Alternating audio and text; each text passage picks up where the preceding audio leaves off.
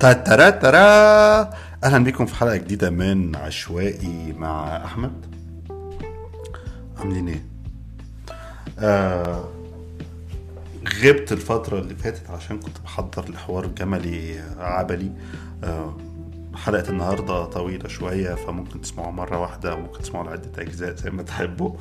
آه حلقة النهارده هي حوار مع السياسي والكاتب ومهن وحاجات أخرى. آه، مع الصديق آه، محمد نعيم. أنا الحقيقة كنت محظوظ إنه التقيت وعرفت محمد نعيم آه، من من زمن من فترة طويلة يعني من قبل الثورة. و... وفي أغرب مصادفة يعني بداية معرفتي محمد نعيم جت من من نادي قراءه يعني كنا مجموعة من الأصدقاء بنتقابل قبل ثورة يناير يعني.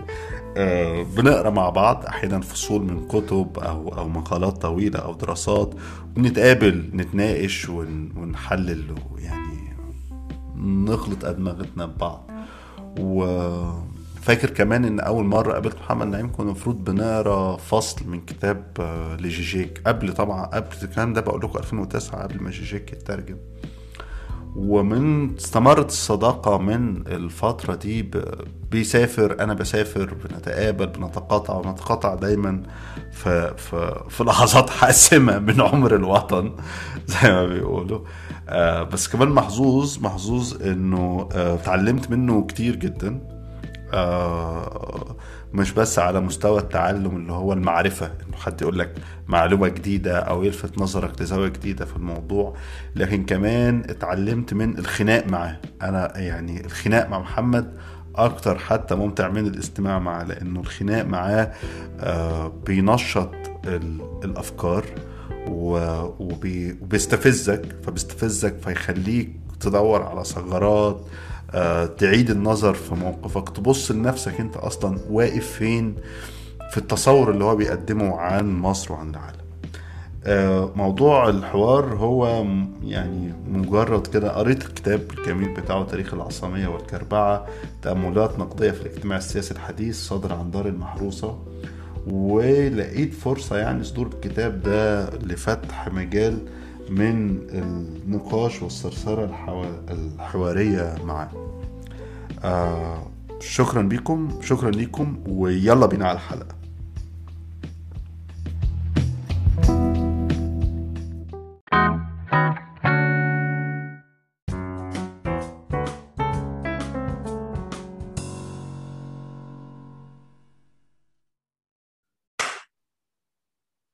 ترى ترى أعمل لك مقدمة لوحدك في الأول قبليه آه معانا ومعاكم أستاذ محمد نعيم الشهير مؤخرا بالجنرال محمد نعيم. إزيك يا حماده إزيك يا ابو حميد أخبارك إيه؟ مبروك الكتاب الجميل آه، تاريخ العصامية والكربعه تأملات نقدية في الاجتماع السياسي. آه، حبيته جدا وجزء يعني من سر إن أنا حبيته أنا راجل بتاع لغة وأدب في النهاية. فعجبني من أول ابتكار المصطلحين اللي هو ابتكار العصم العصامية والكربعة دول. وفي نحت في اللغة وفي خناقات مع اللغة أصلا أساسية. يعني مثلا أنت بتبتدي الكتاب آه، بالمقدمة وبتقول أنا قررت أكتب المقدمة مش ما بتقولش العامية. أنت بتقول العربية المصرية. تمام؟ و وبتقول في المقدمة إنه يعني شفت إن ده حقك وحريتك وماشي ده حقك وحريتك. بس كمان الخيارات دي بتشير لحاجات. فملاحظ دايما في الكتابات الكتاب أو الناس اللي لما تكتب كتاب مطبوع وتكتب عليه أنا هكتب بالعامية أو بالعربية المصرية إنه ده جزء كمان من خطاب آه، وطني أو قومي أو فخر بال- ب- بحاجة محلية. فهل أنت رجل وطني؟ لا الموضوع مش بده خالص. هو زي ما أنا كتبت بالظبط آه، طقت في, في, دماغي أنا حر. أكتب بالفصحى القديمة أكتب بالفصحى اللي اتعملت في القرن ال 19 أكتب بالعامية المصرية ما أكتب باللي أنا عايز أكتب بيه. والناس في الآخر اللي هيفهمني هيفهمني. هي دي الفكرة إن أنا شايف إن اللي أنا كاتب بيه دوت مفهوم. على الأقل على ال- المقدمة قصدي. زي ما أنا ذاكر وأنا بمارس حقي بس بجرب أمارسه. لكن آه بس بس اختيار الحق ده لأنه أنت بعد كده بتقول بتبتدي يعني بتبتدي سردية. هن هن هنتكلم في التفصيل إنه هذا الشعب هو نتاج التطورات ال 200 سنة الأخرانيين. آه. فبيطلع واحد يقول لك إزاي أنت بتقول كده أصلا وأنت بتتكلم بال... بال... باللغة بتاعت البلد دي اللي هي موجودة بقالها مئات السنين من قبل ده. وإنه يعني في تناقض جوهري إنه العامية ديت اللغة ديت عامية المصريين. وهي عامية موجودة من زمان. هي العامية عم عامية عشان بيتكلمها عوام الناس بس بمجرد ما عوام الناس هيحطوا لها هيدخلوا فيها أطر اصطلاحية معرفية مصطلحات صياغات أكثر تركيبا. هي مع الوقت بتتفصح وفي المقابل كل ما آه، المتعلمين بيزيدوا وكل ما مستهلكي المعرفة بيزيدوا فالفصحى ال- القديمة دي بتتعمم. فهو الناس بتتقابل في النص. يعني رأيي إنه أي مثقف يعني أنا وأنت وإحنا بنتكلم حالا دلوقتي وإحنا بنتكلم بالعامية المصرية الحقيقة دي ماشي العامية المصرية. إحنا بنتكلم نوع من أنواع الفصحى آه، بتاعت المثقفين اللي هي متأثرة باللهجه الدارجة بتاعت كل بلد. آه، فالحقيقة عامية المثقفين هي فصحى من نوع معين. ده رأيي.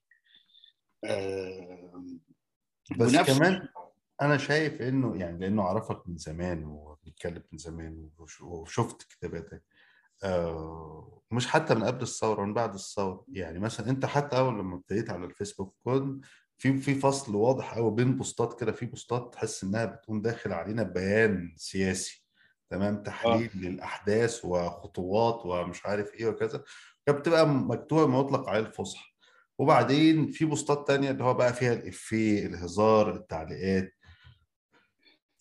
فإحساسي كمان حاجة إنه إنه إنه آه ده اختيارك واختيار حر بس كمان مش قادر أشوف فيه تغيرات حصلت في في في أسلوبك والتغيرات دي بسبب الفيسبوك.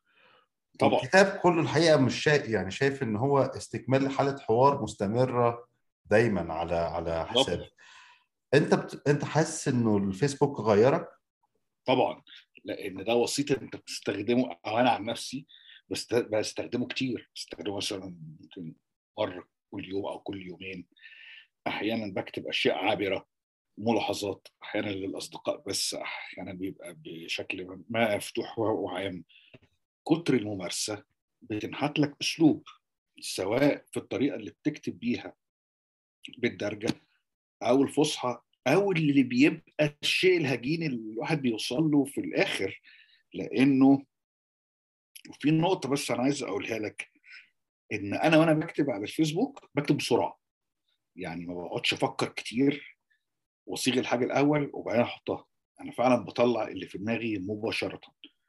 وببقى متسامح مع نفسي إن أنا ممكن أغلط اخطاء في النحو في الإملاء حاجات كده. لأن في الآخر هي ال- المنصة دي كده يعني يعني ممكن تسامحني على النوع ده من الغلطات. الحقيقة إن كتر الممارسة دي وصلت لي لحاجة إن في طريقة تعبير معينة آه اللي هي العامية المفصحة ديت الواحد بيوصل لها لل... للآخر هي أسهل حاجة بالنسبة للواحد وهو بيفكر آه ودي حتى أنا كنت ملاحظة كاتبها في المقدمة انه أنا بكتب الكتاب من كتر ما أنا كتبت بما يسمى الفصحى آه أرهقت ذهنيا. وإني لما لما بكتب نفس الفصحى دي بأدوات ربط عامية آه، بحس إن إن التفكير أسهل أو بحس إن إيدي ماشية أكتر. آه، وده شيء شخصي تام يعني يعني أنا بال- بالظبط بعمل كده عشان أنا أرتاح عشان أنا أحس إن الفكرة اللي أنا مطلعها لأن أنا عندي هوس بفكرة إن أنا ممكن يبقى في دماغي فكرة مركبة بس مش عايز أستخبى جوه اللغة عشان خاطر ما تطلعش واضحة. يعني. ودي و... وأنا رأيي إن في ناس أحيانا بت... بتعمل القصة دي ويعني وتتذرع بالفصحى. أنا أعتقد إن كل ما الفكرة المركبة تبقى واضحة في دماغ البني آدم كل ما قدرته بالتعبير عنها السهل بوسائط مباشرة سهلة كل ما تبقى الفكرة واضحة أكتر في دماغه. ده تقديري. فأنا مشغول قوي بإن الفكرة لما تخمر كده في دماغي أعرف أطلعها على طول وأعرف أطلعها بأسلوب سهل آه ولما ده بيتعمل بالفصحى البسيطة أو الأقرب إلى العاميه دي ببقى أنا مرتاح أكتر. طب الجزء الثاني إنه في في كتير قوي وانت في الكتاب ده. يعني اولا في الكتاب عندنا في ميمز وفي صور محطوطة في النص آه وبتفتح بيها الفصول. وفي كمان فكرة إنك بتخاطب حد. يعني طول الوقت إحنا في جمهور منخاطب. وانت بتتكلم حوالين الفكرة بتتشكل أو إنك بتكتب على الفوق على الفيسبوك بانفعال أنت بتحس أحيانا إنك بتتجر لمواضيع آه مش باختيارك؟ لا ابدا. أنا في يعني في أمور كتير إنها تستفزك أو تنرفزك. آه لا لا أنا بكتب في اللي أنا عايز اكتب فيه وببقى فعلا ببقى مشغول ولو مسألة مش مش شغلاني ما بعبرهاش وياما في كلام هايف يعني بيعدي صغير واحد أو من وجهة نظري يعني. آه لا هو أنا الفيسبوك دي بقى نقطة مهمة. بالنسبة لي من بعد 2013 هو بقت وسيلة اشتباكي مع الشأن العام. أنا قبل كده كنت شخص بيشاف السياسة. قفلت السياسة في 2013 يعني. يعني أو بقى قفلت السياسة ولا السياسة اتقفلت؟ الاثنين يعني أنا اعتبرت 2012 13 كانت يعني. فأنا ما كنتش بكتب على الفيسبوك بنفس المعدلات. قبل الوقت ده لأني كنت مشتبك بشكل مادي. وبعدين أنا وغيري ارتدينا إلى الكمبيوترات. يعني قعدنا بقى جواها عشان خاطر المساحة غير الافتراضية أو الواقعية دقت وبالتالي أنا بقيت بتعامل إني ما عنديش غير الوسيط ده من خلاله أقدر أشارك في اشتباك وجدل ولملمة شتات و... ومراجعات و و آه... لتيار وجمهور هو كان واسع جدا في لحظة معينة. الناس كانت بتقول إحنا قليلين إحنا كنا قليلين ولا حاجة إحنا كنا بضعة مئات من الآلاف بلد زي مصر ده يعني. أعتقد ده كان عدد كبير يعني. م. فلما القطاعات دي بعد 2013 ارتدت نسبيا إلى العالم الأفتراضي كان في لازم أو ضرورة عندي إن أنا أواصل اشتراك معاها من خلال الوسائط القليلة اللي فاضلة دي اللي كان منها الفيسبوك وكان منها المواقع اللي ثلاث أرباعها اتحجب لأن هو تم تقطيع الشبكات اللي بتجمع التيارات الديمقراطية ببعضها اللي هي المواقع اللي كانت موجودة اللي كانت بتصيغ الجدل والرد ومين يقول فمين يرد عليه والفكرية الفكرية يترد عليها. فالموضوع اتحصر خالص لبعض المنصات بتاعة التواصل الاجتماعي. وأنا ماسك فيها بقى. امم طيب بعدين بس أنت ما فضلتش ماسك فيها أنت رحت ونقلت للكتاب. ليه الارتداد بقى؟ يعني خلاص أنت راجل بقيت جماهيري وبتكتب على الفيسبوك. وفي حالة تفاعل كمان تفاعل وبتقلب أفكار مع ناس. إيه اللي خلاك فجأة في دلوقتي محمد نعيم إنك قرر إنك تخش مشروع زي الكتاب ده؟ كذا حاجة.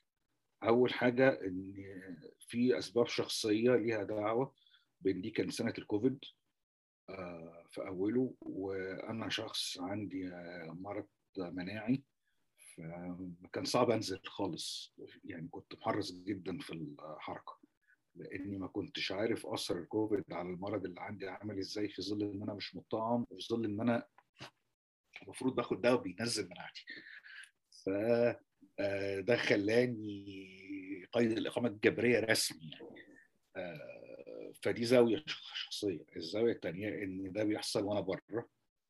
آه والأوضاع في مصر مش أفضل شيء على مستوى الأخبار السيئة اللي بتيجي بسبب الناس اللي قاعدة بتتساقط وحطوا الآخر على خلفية الوباء. فكنت محتاج بشكل شخصي إني أنخرط في شيء آه مستدام جنب الشغل اللي بعمله يخليني أعرف أعدي المرحلة دي. دي سبب.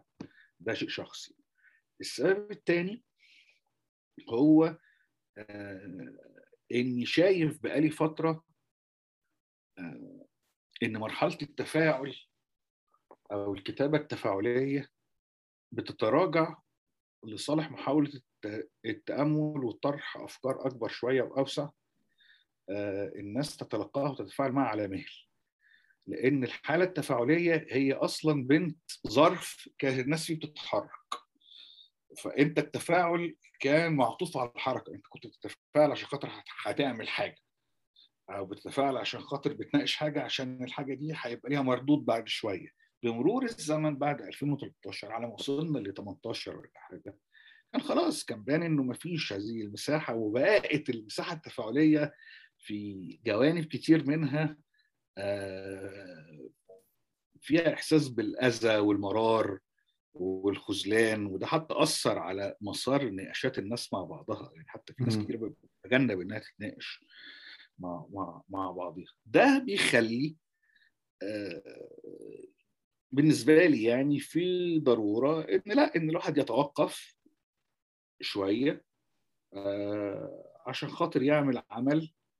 العمل دوت ممكن يبقى مقدمة لأفكاره لأن أنا عندي كذا مشروع تاني بعد كده وكنت شايف إن أنا محتاج أعمل له فرشة كده الأول.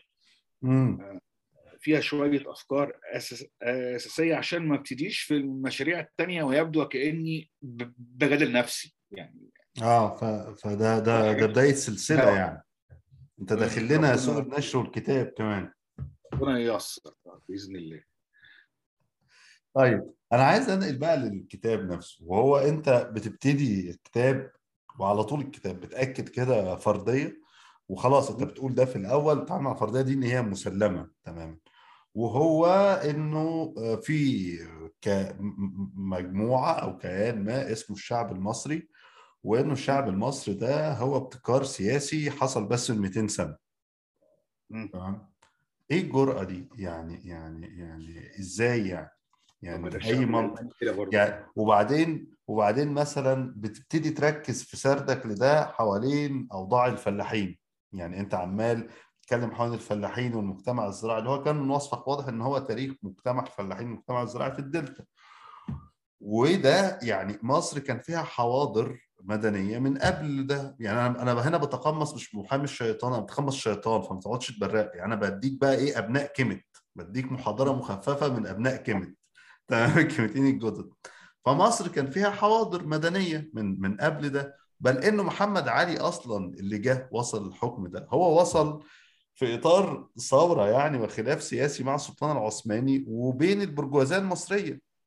برجوازية. آه قال لها هو الشيخ محمد مكرم والشيخ عمرو مكرم والتجار وشيوخ الأزهر اللي جابوا محمد علي دول ما يعني مش برجوازية مش اختاروه. دي الفكرة بقى. تمام.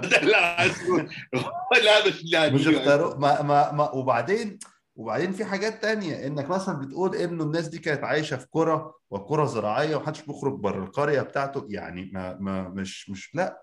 الناس دي اولا بتتشارك بنهر واحد وترعة واحدة. تمام. وهو غصب عنهم طبيعة الطبيعة بتفرض عليهم تمام أنواع من التواصل. وده خالق ثقافة وممارسه حياتية متوارثة بقى لها آلاف السنين. يعني أنت بتقول فرضيه أنا بس عايز اخص الموضوع أنت بتقول فرضيه انه الشعب ده اتخلق من 200 سنة. وده لا يغلطوا أي مصري شريف. مصر 5000 سنة حضارة. طيب ماشي برافو. ما هو اللي بيتقصد بدوت سواء على مصر أو على ألمانيا أو على فرنسا أو على روسيا أو على أي بلد هو إن في التاريخ إحنا بنبدأ نتناقش في إحنا نحس ببعض من إمتى. يعني لو أنا مثلا جيت وقلت أنا عندي مشكلة مع الإيرانيين عشان قمبيز زمان دخل من الشرقية وزعلنا هيقول كده هعتبره إنسان مجنون. ليه؟ ما بنتخانق سنة وشيعة أهو بقى لنا 1500 سنة وزي الفل. الكلام لا انت بتتخانق سنة وشيعة بقالك 1500 سنة مستمرين. اذا بما إن العملية دي مستمرة اذا في أسباب مادية من الحاضر والماضي القريب بيخليها تستمر. لكن أنا مش هاجي أصحى من النوم كده أبقى متضايق من هولاكو. عشان وأقول أنا هقطع العلاقات مع منغوليا مثلا. فهي فاللي هيعمل كده مجنون. اللي هيزعل برضه من السيم الأول. وهو بيتخانق مع تومباي برضه مش مظبوط. لأنه أنا ما كنت يعني أنا ما كنتش هبقى ماشي مثلا وأنا قاعد في قريتي في الصعيد. هبقى شايف إن أنا بنتمي إلى مملكة جمهورية سلطنة المماليك. أنا ماليش صالح. فأنا مش هعرف أحاسب سنين الأول بس أنا ممكن أحاسب السلطان مصطفى الثاني اللي هو كان في سبعينات القرن ال 18 في الدولة في الدولة العثمانية لأن في الوقت دوت كانت أوروبا كلها في عملية تسريع حداثي واضح وعملية رسمله وهو كان قاعد بياكل ملبن. أنا ممكن احاسب مصطفى ده بقى. لأنه في تاريخ جديد البشرية كلها داخلة فيه. وهو تاريخ التنوير والحداثة والرسملة. مش تاريخ بس مصر اللي بيبتدي منه من 200 سنة ده تاريخ حد تاني. ده تاريخ فرنسا ده تاريخ ألمانيا ده تاريخ العالم كله. وبالتالي مصر التي نعرفها هي نتاج التحديث والرسملة. الصين التي نعرفها نتاج التحديث والرسمله الهند التي نعرفها هي نتاج التحديث والرسمله في حاجات قبل كده موجودة زي ما في حاجات موجودة قبل كده عند أي حد. لكن اللي أنا متأكد منه أن سمات الفلاح المصري هل اللي إحنا نعرفها هي سمات الفلاح المصري اللي عاش محمد علي لأن هو اتدون عن الفلاح ولأن مستوى المعيشة اللي إحنا بنقارن عليها باعتبارها بؤس أو أو جيدة أو نص نص إحنا ما نعرفش اللي قبلها أصلا كانت عاملة إزاي. ولأن إحنا أصلا بمناسبة التاريخ الموصول دوت لما مثلا بنيجي نشوف تاريخ التحول الديني في مصر مثلا الناس كانت إيه وبقت إيه؟ هيطلع في الآخر إن اللي عامل أي دراسة جادة ماسك خمس ست شوارع في القاهرة وقاعد بيدرس إيه اللي حصل فيهم. لأنه مش هيعرف مين كان إيه في البحيرة عبر آخر 3000 سنة. مش ماسك دوت. هو مش ما فيش تدوين أصلا ليه. فقصدي إنه لا هي بتتحسب من التحديث بتتحسب من تضاعف عدد السكان. لما إحنا نبقى 2 مليون سنة 1800 ممكن قبلها ب 200 سنة ال 2 مليون دول كانوا 2 مليون غيرهم وحصل لهم تبدلات عنيفة جدا نتيجة إن الطاعون جه قتل نص الناس. برضه إحنا في حاجات إحنا ما ما بنحسبهاش ان في أحيانا مثلا الشعوب بالكامل بتختفي يعني الشعب القبرصي مات كله في الطاعون كله. 90% منه ماتوا. عشان كده جم جم بقى يونانيين وأتراك وعملوا الموزمبلين اللي شغال دلوقتي ده. واحدة فكرة الشعب اللي موجود في صيرور التاريخ ده إحنا ما بنقعدش نحسب أثر الهجرات عامل إزاي ولا أثر التبدلات اللي جاية. من التغيير المناخي اللي بتردم حتت وبتغرق حتت ولا أثر الأوبئة والطواعين ولا أثر تغيرات طرق التجارة في لحظة معينة ففي حواضر تحيا وحواضر تموت. أشياء كتيرة جدا. بس اللي أنا متأكد منه إن الوطنية المصرية كانت في حاجة للرواية بتاعه الأمة المستمرة آه لعدة آلاف من السنين اللي طبعا شيء ما حصلش ومش منطقي ومش موجود في أي حتة في, في, الدنيا ومش صحيح. أنت عشان مصر مش وطني بس بتقول كده. كل المصريين الوطنيين ولا تصمد لأن أنت اللغة اتغيرت كذا مرة والدين اتغير 20 مرة فلما تيجي تواجه حد بالجملتين دول يقول لك عبقرية المكان. بس يعني ما دام البني آدمين بيتغيروا لغتهم ودينهم وبتبقى محتاج شامبليون ويانج عشان هم اللي يعرفوك إن فلان ده كان اسمه مينا مش طيب. مش الوليد. أنا أنا هقبل هقبل ده هقبل ده هقبل ده. بس أنت بعد كده برضه هنا نتقمص محمد شيطان اشطان نفسه بس بتاع الوطنيين اليساريين بس أنت بعد كده بتركز في كل تحليلك تمام؟ حوالين برضو تاني ال- ال- المجتمع الفلاحي والمزارعين وإن دول هم مصر وهم دول المصريين.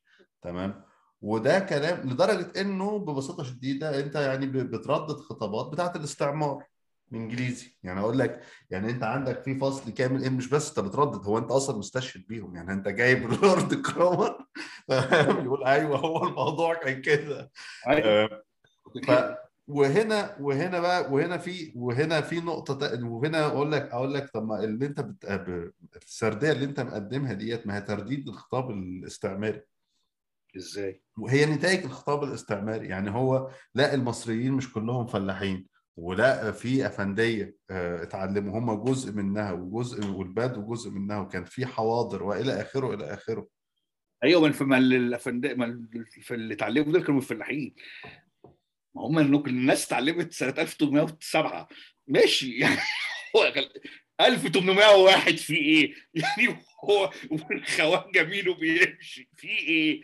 في عندك الشيخ حسن العطار والشيخ السادات وشوية مشايخ قاعدين في الأزهر. وتجار يا عم في رشيد وكفت كل دي كانت حواضر. أيوه قال لها. أنت بتضحك والله. أنت بت- أنت بقول- مستوعب ما الموضوع قلناش يعني أنا حاجة يعني إيه؟ مدن الصعيد دي. تمام. نسبة الريف لل... للمدينة كانت ما بتقلش عن فوق ال 90% ده مؤكد. كويس. و... آه، و... ومعدلات الزيادة السكانية حصلت نتيجة إن مستوى المعيشة في الريف اتحسن. يعني مصر نطت من 2 مليون ل 7 مليون في 25 30 سنة عشان الفلاح بدأ يعيش. لأن هو كده كان بيموت. بيموت حاجة 20 سنة. هو ال- النقلة اللي حصلت وعشان كده إحنا اصلنا فلاحين بالمعنى ده إن الناس اللي زادت وحافظت على حياتها وحافظت على صحتها نتيجة التحسينات اللي حصلت في عهد محمد علي اللي هي بالنسبة اللي قبليها ثورة كبيرة على مستوى معد... ارتفاع معدلات الاعمار تحسن مفردات الغذاء القدرة على مراكمة أي ادخار مش موجود خالص ده قبل كده. لا حتى ما كنتش تعرف فلوس. ف آه الفلاحين هم اللي زادوا لأن الفلاحين هم اللي كانوا بي... آه، بيموتوا. لأن المصري المعياري هو الفلاح. المصري المعياري هو الفلاح بحسب آه، حكامه. وحكامه دول مش الاستعمار على فكرة مش الإمبريالية الغربية فنبقى استشراق وكده. لا حكامه اللي هو الأتراك. المسلمين اسمهم محمد ومصطفى وعلي وكل حاجة. الناس دي ظلت لمئات السنين. تعين المصريين آه، باعتبارهم هم أهل حرفة الزراعه آه، طبعا الناس بتمتزج وفي حواضر مدينيه زي ما أنت بتقول معظمها حواضر تجارية كبيرة فكان فيها هجرات مستمرة جاية عليها من بره. آه، وده اللي خلق تعددية شديده جوه مصر. لكن يظل في التحليل الأخير الكتلة اللي بتبص لها باعتبارها كتلة حرجة. آه، لو اعتمدت عليها ودخلت ولادها الجيش المشهد السياسي هيتغير. لو طلعت منها أفراد اللي دخلتهم السلك الإداري للدولة ده هيعمل فرق في الميزان السياسي. دول هم الفلاحين آه، وليس صدفة إنه كان آه، إن محمد علي كان مشغول جدا بالسؤال. هو كان بيسميهم أولاد العرب. ودي المقصود عو- عموما سواء العاملين بالزراعة أو البدو. آه، واللي في الآخر نسبة البدو في مصر ما هيش كبيرة يعني. آه، يعني ده غير القبائل العربية اللي بتشتغل في الزراعة اللي هي فلاحين برضه. آه، ف... فلا هم كانوا طب وليه ما. نقولش ما ما في في رد تاني يقول لك إنه إنه لأ إنه ده دي سردية ابتكار ال- الدولة دولة يوليو الدولة المصريه تمام؟ آه. وإنه الوصول عبد الناصر للحكم خلى في تسييد لمركب من مركبات ال- الشعب المصري تمام؟ والمركب ده احتكر هو لوحده اللي هو أنا الفلاح الذكر المسلم الأسمر الأسمراني تمام؟ فانا كده السكور واي حد تاني ابيض بقى تركي علوي زي ما انت كده ابيض تركي ده مش مصر ده مش مش تبعنا إحنا دلوقتي سنة 2021 مم. 2020 ولسه والجدالات دي لسه شغالة أنا ده ولسه. بحسب الإحصاءات 55% من الشعب المصري بيعيش بره المدن. يعني كل الشلوح ده مر 200 سنة. لسه لحد دلوقتي 55% من المصريين مش عايشين جوه مدن. فيا ريت يا ريت يبقى ده كان اختراع يوليو. فأنا أقوم رايح عند المكنة اللي شغالة بيها الاختراع أكسرها وأرجع الحقيقة بقى للناس. يا ريت يا أخوي أنا أكره. بس هو آه يوليا عملت كده عشان خاطر لأول مرة كان هيبقى مطلوب من الناس إنها تستند إلى شرعية ما يسمى بالشعب. فهي لازم تحيل إلى ما صور للناس وفقا للرواية الوطنية. ال سنة اللي قبليها من ستينات القرن ال 19 لحد 52 على إن دوت مستودع الأصالة. آه، خلال ال 100 سنة دول لا يصور مستودع الأصالة بإن هم الفلاحين. آه، أحمد عرابي زي الفلاحين. آه، حتى لو تم تهزيء اسمه في الت- في التاريخ اللاحق على هزيمة الثورة العربية. سعد زغلول زعيم الفلاحين والرعاع حتى لو اشتمناهم هما الاثنين بس يظل في الآخر ده بيديله ال- المكانة اللي تخليه زعيم الأمة لأن الأمة دي مكونة من دول وهكذا.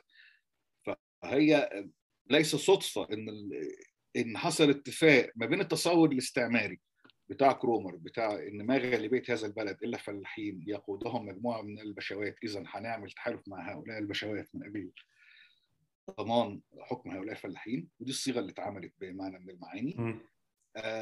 بس من ناحية تانية هم البشوات نفسهم كانوا مؤمنين بنفس الفكرة لأن هم آه، استطاعوا من خلال العلاقة مع الإنجليز إن هم يراكموا ثروات جادة وجيدة آه، بعد تنظيم الزراعة بشكل آه، أكثر احترافا في القرن ال 19 والتركيز في مسألة القطن وكده.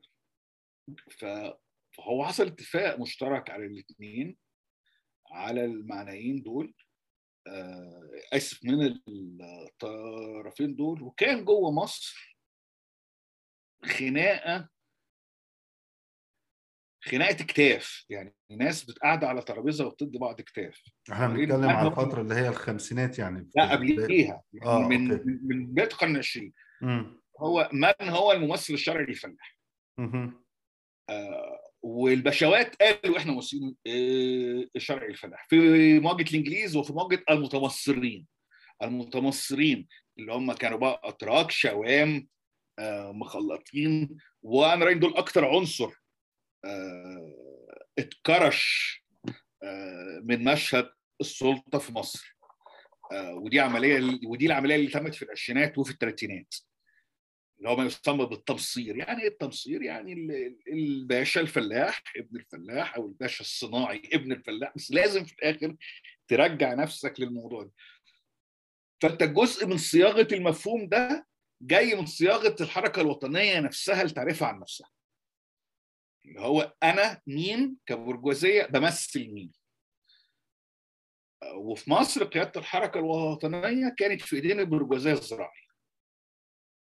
إن البرجوازية الص- الصناعية في مصر اللي مثلا كان أحد رموزها إسماعيل صدقي كان أو اهم رمز فيها كان بيعرف إنه شخص غير معني بموضوع الجماهير دوت وبيمثل التحديث من أعلى وما شابه لكن الوفد اللي هي قياداته من البرجوازية الزراعيه الكبيرة وافنديه المدن هم حاملي لواء المشروع الوطني وتحرر بلا بلا بلا بلا بلا.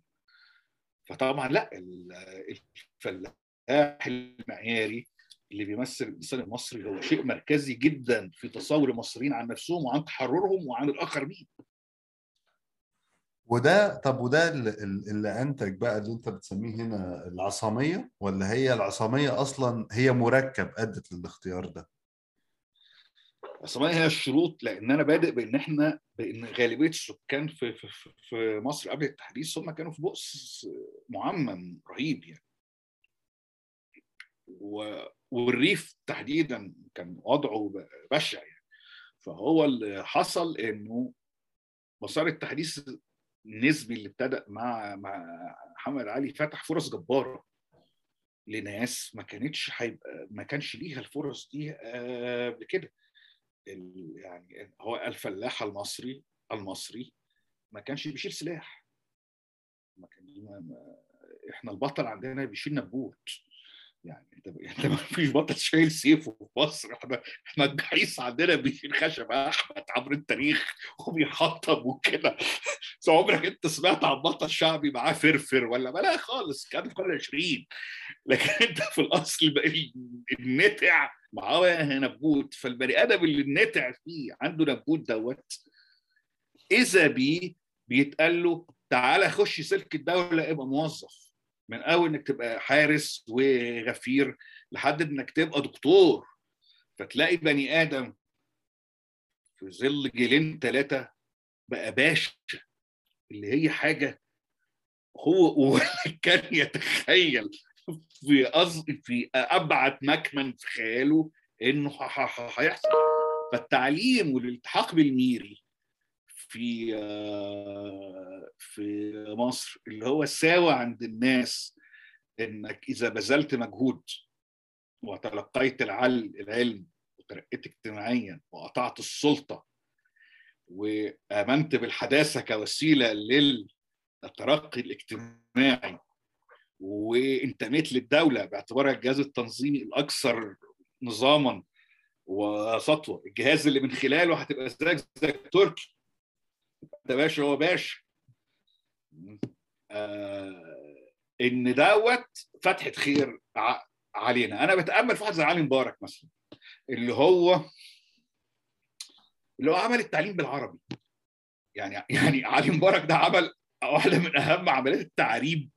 في القرن ال 19 بهدوء بهدوء الفلاحين كده. عمل مناهج المناهج دي بتدرس العيال الحديثة.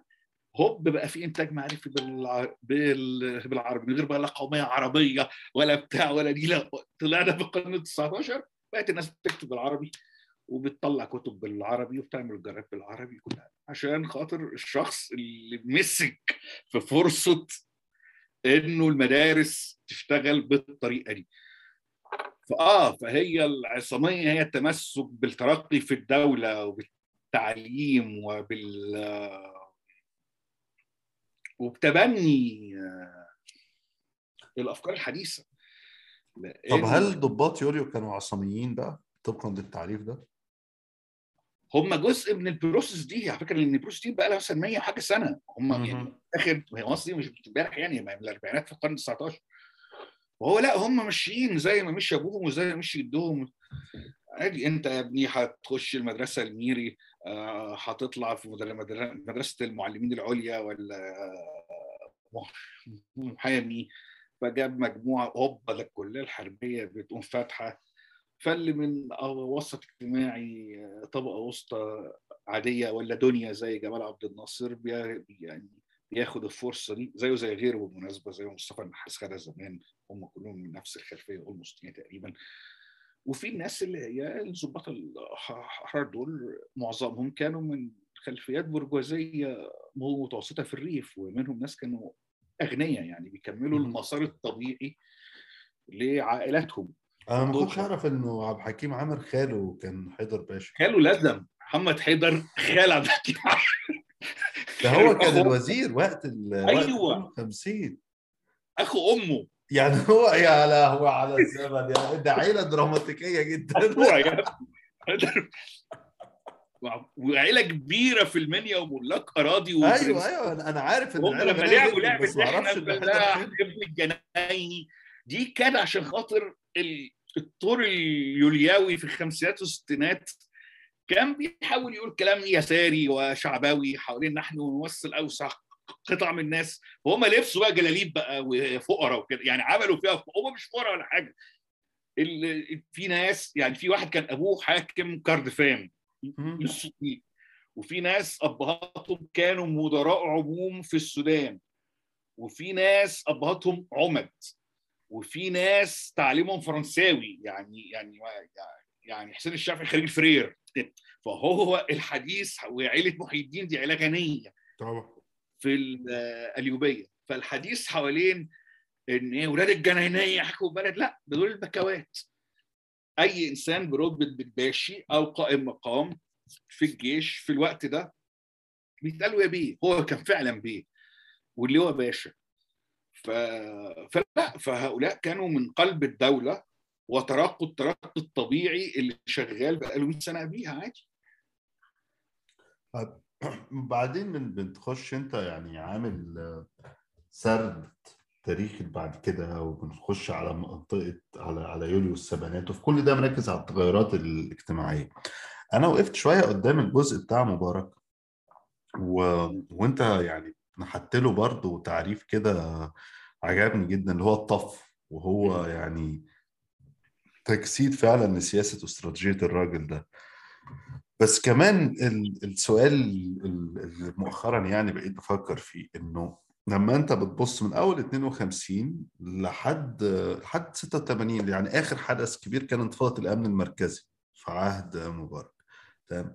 وانت آه ممكن قد يكون المؤسسة العسكرية دي صندوق أسود ومثل صندوق أسود ما تعرفش إيه اللي بتحصل بتشوف عارف لما يحصل انفجار كده فتسمع سمعنا اللي هو إيه فلان مشي في قضية سمعنا اللي هو كذا. بس الصراعات اللي جواها هي بتشكل وتصيغ البلد. وجزء من المهام الأساسية لرئيس الجمهورية تمام؟ هو مش بس السيطره على الشعب زي ما أنت بتتكلم في ده هو السيطره على المؤسسة العسكرية دي. يعني هو هو هو كل عبد الناصر 16 سنة هو آه يعني بيحاول يعمل اتحاد اشتراكي وبيحاول يعمل جسم بس هو عنده ديناصور وراه يعني مش مش مخليه يتهنى على أي حاجة. ف في رأيك إيه إيه إيه السر إيه الصفقة أو السر اللي قدر يعمله مبارك إنه يعمل حالة الطفو دي مع المؤسسة العسكرية؟ بتخش فجأة من 86 لحد 2011 مش بس كده ده صاحب ده تدني عام في التقدير. يعني يعني أنا أنا والله العظيم أنا أتذكر مشاهد قبل الثورة دي كنت واقف على موقف ميكروباص يعني واقف تركب السوبر جيت أو بتاع وبتلاقي واقف جنبك رتبة رتبة من سلاح الطيران أو مش عارف إيه تمام. ده امين شرطة ما كانش بيقف في الطابور ده. طبعا ف, ف... إيه اللي ح... يعني إيه إيه إيه اللي حصل بالظبط يعني في... في رأيك في موضوع مبارك والطفو ده؟ أنا تقديري إن حسني مبارك هو أول رئيس عسكري فعلا. امم لأنه هو وصل للسلطة السياسية بصفته عسكري. يعني أنا كان مرة اللي قال ملاحظة ذكية جدا كان سعدين الشاذلي لما حد قال له الجيش استولى على السلطة في 52 قال له مش الجيش اللي استولى على السلطة في 52 ده تنظيم سياسي من داخل الجيش استولى على السلطة في 52 امم آه وفعلا لا هو الضباط الأحرار كانوا تنظيم سياسي من داخل الجيش مش الجيش. اللي حصل إنه نتيجة إن التنظيم السياسي اللي من داخل الجيش لما حاول يتسيس في الخمسينات وفي الستينات وفشل آه وفي معركة ما سمي بيمين النظام ويسار النظام بين أنور السادات وبين علي صبري. لما أنور السادات حسم هذا الصراع سنة 71 تقديري إنه انتصار يمين النظام كان مقدمة لقتل السياسة. قتل السياسة بمعنى إن في مركبين جداد هم اللي هيمثلوا حجري الزاوية في معادلة القوى في مصر وهذين المركبين مش سياسيين اللي هم القوات المسلحة وجماعه الاخوان المسلمين. وهو دي الثنائية اللي فضلت شغالة من بعد 73 لحد 2011. ليه؟ لأن الطور اليوليوي اللي مثله أنور السادات الطور الثاني دوت كان بيدعو إلى سياسات هي بطبيعتها لا يمكن الترويج إليها شعبيا. يعني أنت مش هتحتاج تنظيم سياسي. راسخ وسط الجماهير عشان تقول لهم إيه إحنا هننفذ روشته الصندوق الدولة تفقروا أو إحنا كنا بنضحك عليكم إسرائيل حلوة. ما هو ده كلام لا يمكن الترويج إليه شعبيا فعلا. وبالتالي كان قتل الجدل السياسي بمعناه الجاد. حتى جوه الدولة. حتى جوه أركانها وحصرها جوه مجموعة من الأجهزة الأمنية المنتقاة جدا. وهي اللي بتشتغل شغل السياسة بمعنى ال technical للكلمة يعني. ده كان طبيعي مع مرحلة أنور السادات. اللي في نفس الوقت عمل حاجة مهمة إن هو استكمل تصور عبد الناصر حوالين فتح باب الحرية آه، بموضوع المنابر والهياكل الحزبية الأيديولوجية اللي اتعملت بعد 75 واللي استمرت واللي غطت حسني مبارك طول الثمانينات على فكرة. إنك تعمل الوفد وتعمل تجمع وتعمل الأشياء دي أو تسيب النوافذ دي تبقى مفتوحة عشان الطبقة الوسطى المتعلمة في مصر ما تظلش على الوضع المهين اللي كان موجود عليها أيام عبد الناصر إنها مش عارفه تفتح بقها ومش عارفة تمارس حقها في الكلام أو في إبداء الرأي على وعشان كده بعد 67 كان العنوان الرئيسي للنظام حوالين تصوره على الانفتاح العام هو حرية الصحافة. يعني لك إطلاق حرية الصحافة. آه وحق التعبير مش التنظيم. آه ودي وده كلام قاله عبد الناصر في 30 مارس 68 وأنور السادات كمل عليه حسني مبارك كمل عليه. وطوره كمان للأحسن. آه في الحدود دي.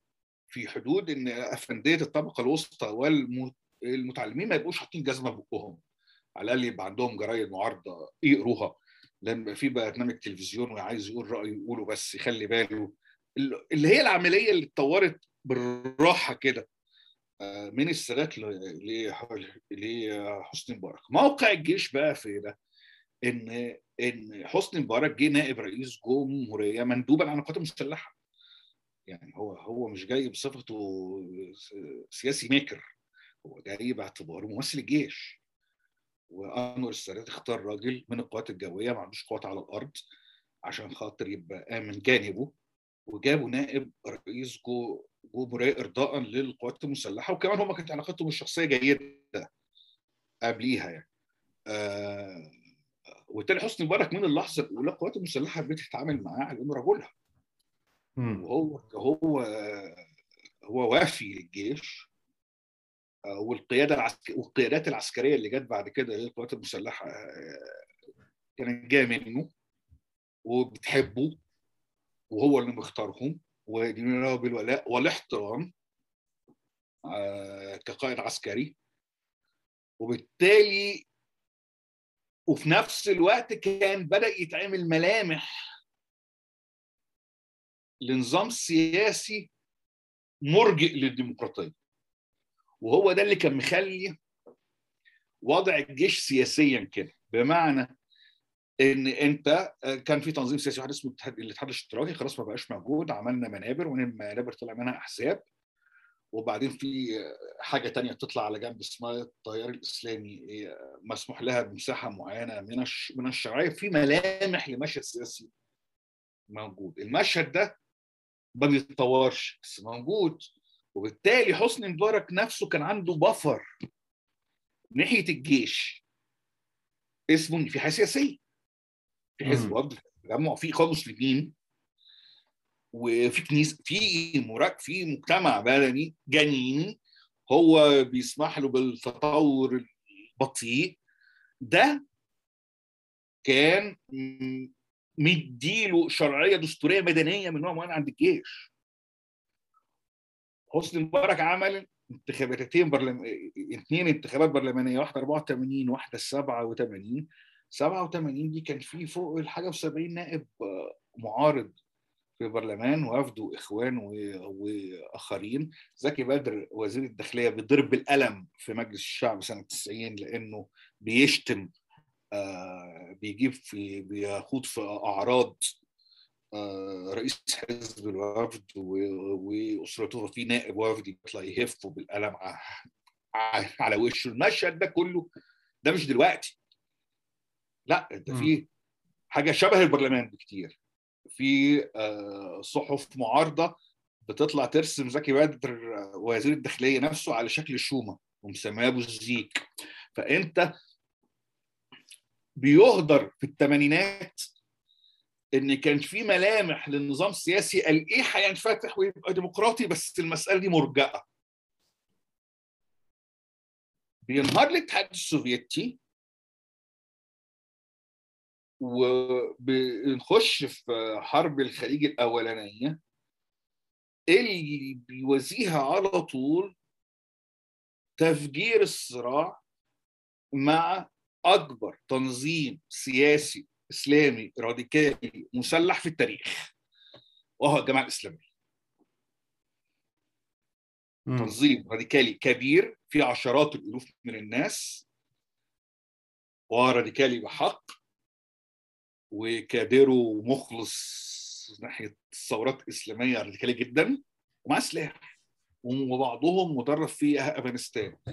ده لوحده أرجى السياسة 87 كمان. مم. وبمناسبة المواجهات المسلحة اللي كانت في في التسعينات يعني على ضخامة اللي حصل بعد 2013 المواجهات اللي كانت في التسعينات كانت أخطر طبعا. لأن كان عندك تنظيم إس... إسلامي عنده حاضن جغرافية على الأرض واخد مناطق في الصعيد ما حدش بيعرف يخشها منه. آه شبه. ف فده برضو أرجى المشهد. فالتداعيات السياسية دي كلها الموقف بتاع إن أنت عندك ديمقراطية مرجئة في الثمانينات وبعدين صراع مع مع تيار إسلامي راديكالي جدا لمدة سبع سنين في التسعينات. بالتعاون والتماهي مع تنظيم سياسي إسلامي تاني كبير اسمه الإخوان المسلمين. بيوزن العلاقة ما بين الدولة والقوى المتطرفة.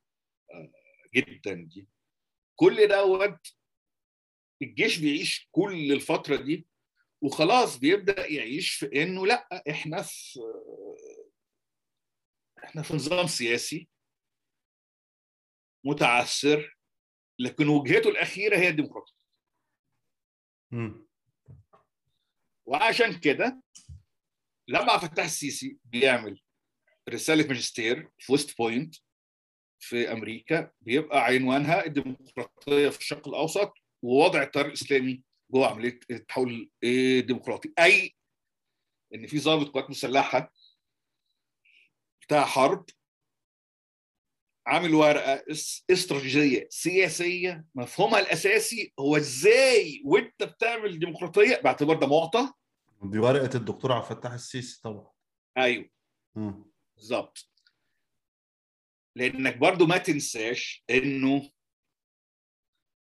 القوات المسلحة بعد 79 هي تتدرب امريكيا.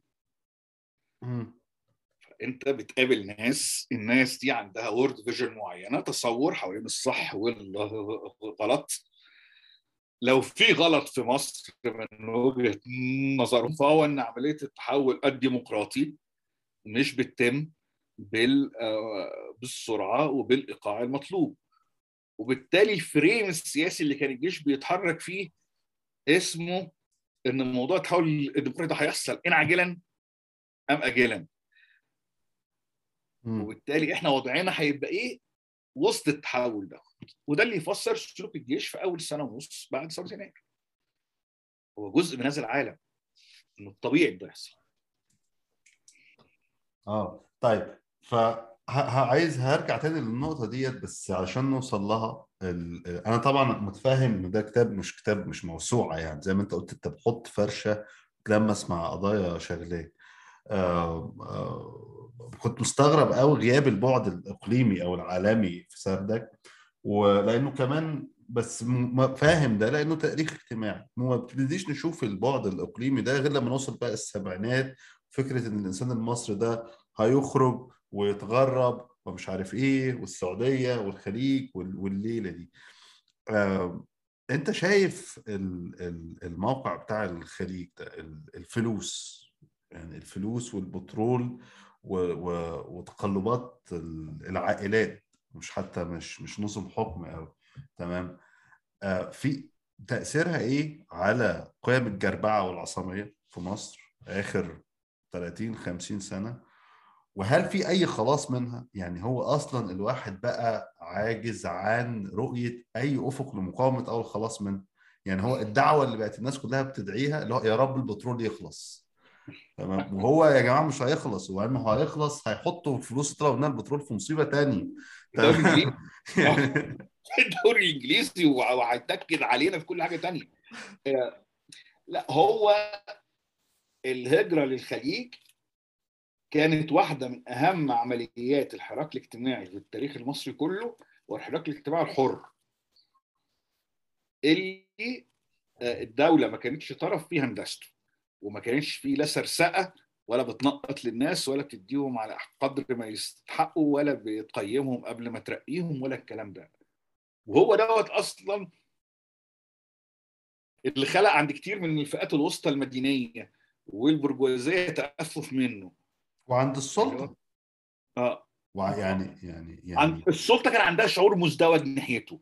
أنا لأن أنا أنا هقطعك بس في حاجة عشان برضه هتو- هتوضح لك أنا أقصد إيه. أنا مثلا من الحاجات ال ال ال ال قبل ما أسافر قبل ما أخرج من مصر كنت بقى بدور على وسايط وبروح وجالي استدعائين الأمن الوطني ومش عارف إيه وكذا. فلما بتروح قاعد مع يعني رحت الأمن الوطني مرة وقاعد مع ضابط بتاع الأمن إدارة الأمن الفكري والإعلام. تمام وابتدي هو يفرش فرشة كده يعني هو قاعد وراه مكتبة مكتبة فعلا قيمة يعني. ويفرش فرشة كده يقول لك وأنا ناصري أصلا والبلد ومش عارف إيه. بس الراجل ده لقيته طبعا هو هو في النهاية بيولف خطاب هو فاهم هو بيقول إيه. بيقول مثلا إيه إنه بص أقول لك على حاجة هو مفيش أمل. قلت له ليه بس كده يا فندم؟ قال لي السعودة وصلت حتى لقلب الدولة. سلام تمام. فهو نفسه ناس طبعا هو كان عنده يعني قاعد يحكي بقى سرديته هو ليه حصل 25 يناير وإيه اللي بيحصل في البلد وهو عارف هو ليه هيمشوني من الخدمة كمان كام سنة قريب ومش عارف إيه وأنا زهقت. المهم يعني لكن وجهة النظر دي اللي أنت بتقولها وأنا أول مرة أفهم ده وأنا بقرأ كتابك. هو يعني أنا اول أنا نور في دماغي الراجل ده أول مرة أفهمه وأنا بقرأ كتابك. لأنه زي ما أنت بتقول بالظبط كده دخلت السعودية وعملت فجأة هو ما عادش مسيطر ما عادش مسيطر على على الفلوس على أهم حاجة يعني. هو هو مش مسيطر على مين بيترقى اجتماعيا فين وعلى أساس إيه. اولا المصريين مش شعب مهاجر أصلا الناس ما بتهاجرش في مصر البني آدم لما بيسيب بلده ويروح بلد اللي جنبيها بيحلم بغربته. فإذا بملايين من الناس بتروح مدد بتتفاوت ما بين سنة وسنتين لحد عشر سنين مش بس الخليج. ده في بلدين مهمين جدا ليبيا والعراق. إن ليبيا والعراق دول دول كسروا الريف في مصر. وه- وعشان كده صور صدام حسين والناس تستشهد بأسد السنة الله يرحمه وكده ما هو ليه؟ ما عشان هم راحوا واشتغلوا عند أسد السنة دي. سنتين وثلاثه رجعوا تمام حصل نقلة. السلع المعمرة بقى البيت فيه تلفزيون بقى البيت فيه ثلاجه نقلة كبيرة جدا بقى كمان في ميكنة زراعية أعلى نتيجة إن بقى فيه وفرات. فلا الهجرة للخليج في مصر عملت تحولات اجتماعية كبيرة في حتت ما بتركزش عليها التلفزيون ولا الدراما ولا ولا السيما اللي طول الوقت بتشتغل على المدينة بالأساس. لا حصل تحولات كبيرة جدا في المدن الصغيرة وفي الأرياف. التحولات دي نتيجة انها عملت ترقي اجتماعي واضح لفئات كتيرة. لقت التيار الإسلامي لأن هو أي حراك اجتماعي بيتم نتيجة إنه بيحسن مستوى معيشة الناس بيبقى عايز كلام معاه. هي الايديولوجيات أصلا بت- بتبزغ في أوقات الحراك الاجتماعي. نتيجة إن المصريين الفلاحين بيبقوا أفندية فالأفندية دول بيتقال لهم يا جماعة ده في حاجة اسمها الإنسان وحق الإنسان وفي حاجة اسمها الأمة. أفكار بتيجي نتيجة الحراك ده. الاجتماعي والترقي الاجتماعي. فالعملية دي سواء وهي بتتم في المهاجر أو بتتم بعد ما الناس بترجع آه، قابلتها الصحوة أو كانت شغالة معاها أو عاشت معاها أو طلعوا سوا. وأنا وأنا في الفصل دوت كنت بتكلم على الامريكا والهجرة للخليج والصحوة الإسلامية باعتبارهم ثلاث حاجات. اشتغلوا سوا عملوا تحول اجتماعي وإعادة تشكيل للتصورات لأول مرة والدولة مش مش قبضتها مش ماسكة كل حاجة. آه وده نتيجة إن الدولة في الوقت ده كانت بتخوض معركة ثانية خالص وهي معركة البقاء. لأن أنت بعد مم. 67 بقى في أزمة شرعية كبيرة الدولة احتاجت 10 سنين ضحى فيهم السنين بحياته دخل حرب وراح إسرائيل وتخربل في المنصة قطع نفسه عشان خاطر يخلق وضع يستمر 30 سنة بعد كده مع حسني مبارك فالدولة خلال الفترة دي كانت مترنحة جدا بحيث إنه ما تبقاش مهيمنة على عمليات التحول الاجتماعي اللي بتتم ولا على الخطابات اللي بتصاحب العملية دي؟ آه الهجرة للخليج شيء حاسم آه في ريف مصر زي ما هو بمدنه عمل تحولات في هيكل الثروة رهيب جوه الطبقات الوسطى نفسها لأنه صاحبه مثلا مفهوم ملكية العقار أصلا الناس مش ماسكه بالشجار فأنت في ناس بقت قادره في خلال سنتين وثلاثه تشتري شقق. مظبوط. آه ودي حاجة كبيرة لأنه لأنه هو غالبية الناس في الدنيا كلها بالمناسبة قدرتها على الامتلاك مش بالقوة دي أنت فاهم انت عايش بره عارف يعني. فلا حصل تحول كبير آه والتحول ده أعاد تشكيل خريطة الاستهلاك عند الناس ومفرداتها آه وعاد تشكيل حياتها بالمجمل ونسبة كبيرة من السكان في مصر مدينين للخليج بالتحضر ما بين قوسين يعني انت في ناس كانت عايشة في قرى بني سويف في المنيا يا رب ابناء كلمة يسمعوا الحلقة ويعملوا هجمة عليك يا أخي.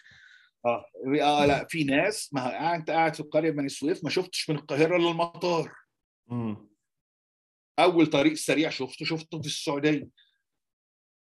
ما هتسمع كلام مش هتسمع كلام المشايخ مش مش هتسمع كلامهم ليه؟ لازم تلبس جلاليب بيضة نظيفة وأنت ماشي بالتمر هتقول لأ ليه؟ بياكلوا لحم. آه ليه؟ آه لا ليه؟ وعشان كده يقول لك المرور في السعودية. ما هو ما هو ما شافش غير السعودية يا جماعة. ما هو في المرور في أسيوط أو في المنيا ويرى المرور في الرياض. أكيد المرور في الرياض أحسن من غير ما حد يزعل يعني.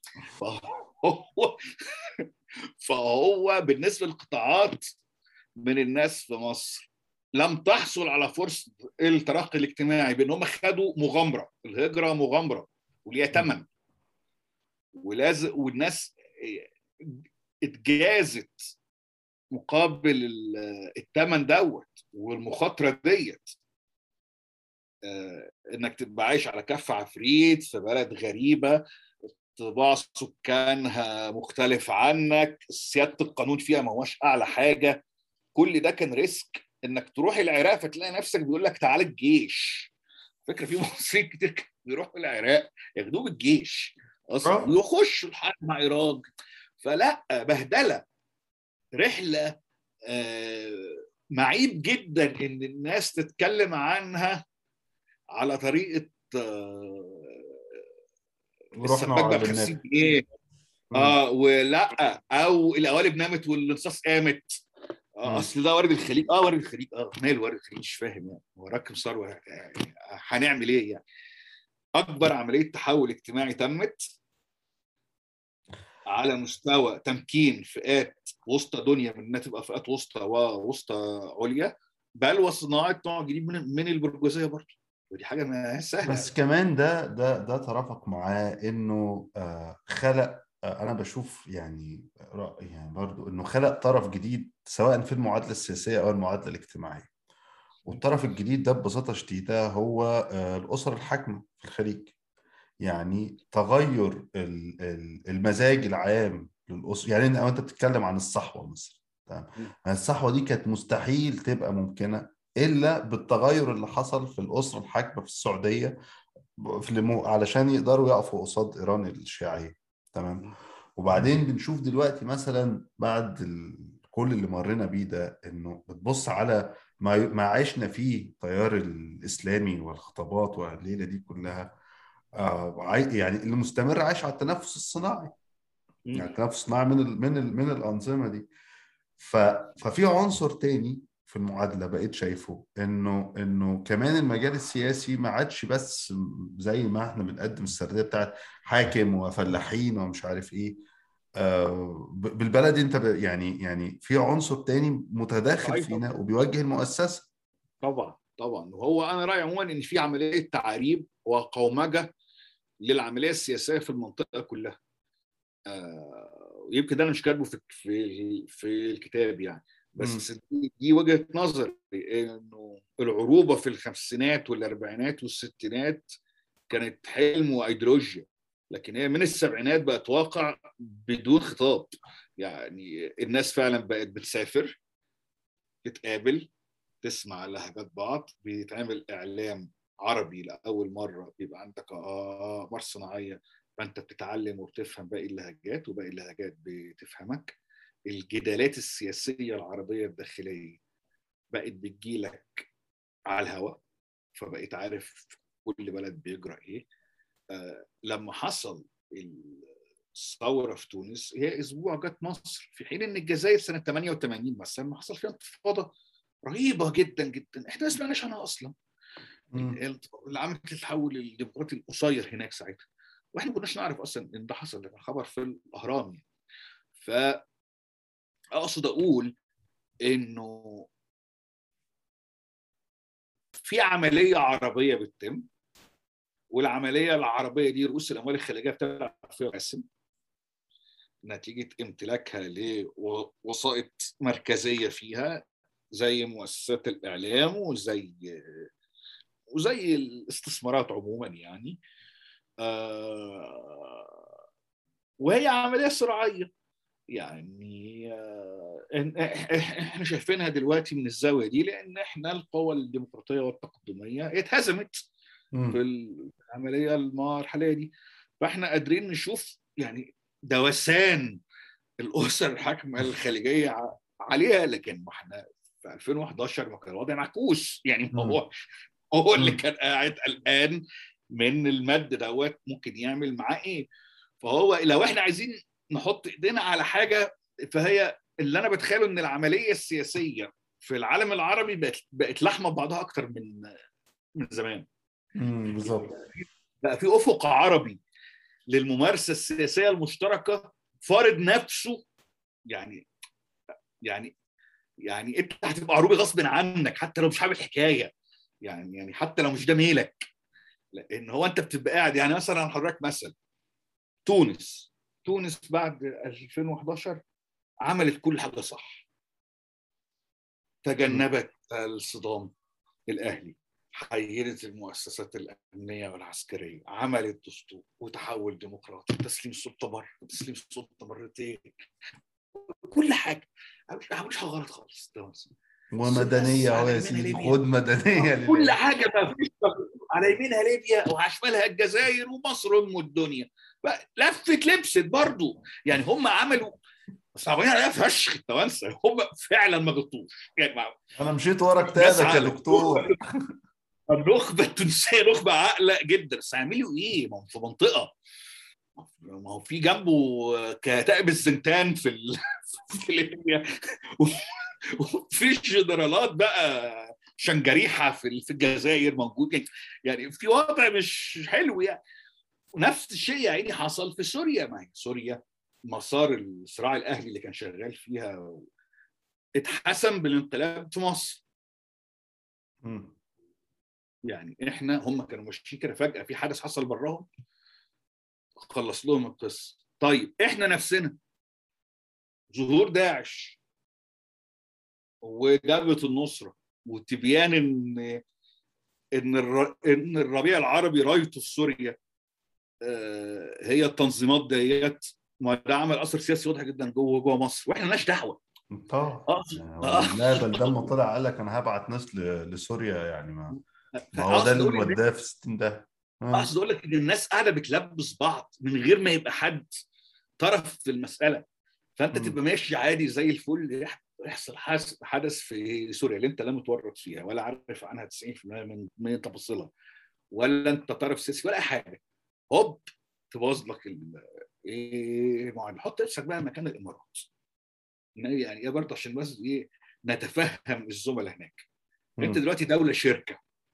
م. دولة شركة. شعبك عبارة عن مجموعة من المستخدمين البنغال والهنود والمصريين والأردنيين والجعيديه والزعر و... انت قاعد في الشركة دي. وبعدين المتلهمه دي كلها بيحصل فيها كده. انت ممكن انت ممكن تخلص في أسبوع. أسبوع. طريا. وده ما يعيبوش بس ممكن. فهو لازم يعمل حاجة. هو لازم يعمل أي حاجة عشان هو مصيره بيتحدد. وعامل دبي وأبراج برضه مقطع نفسه. هو عامل اللي عليه وزيادة. بس ممكن تقوم ولعانه في القاهرة فشخانة في بيروت مش عارف إيه يلاقي نفسه هو هو بيلبس. فالقصد إنه إذا الواحد اتعلم حاجة في آخر 10 15 سنة فهو إن السياسة العربية الإقليمية محلية واحدة. كلنا. هنا بنسمع في بعض والدولة الوطنية العربية بمعنى السابق بتاع زمان مش موجود.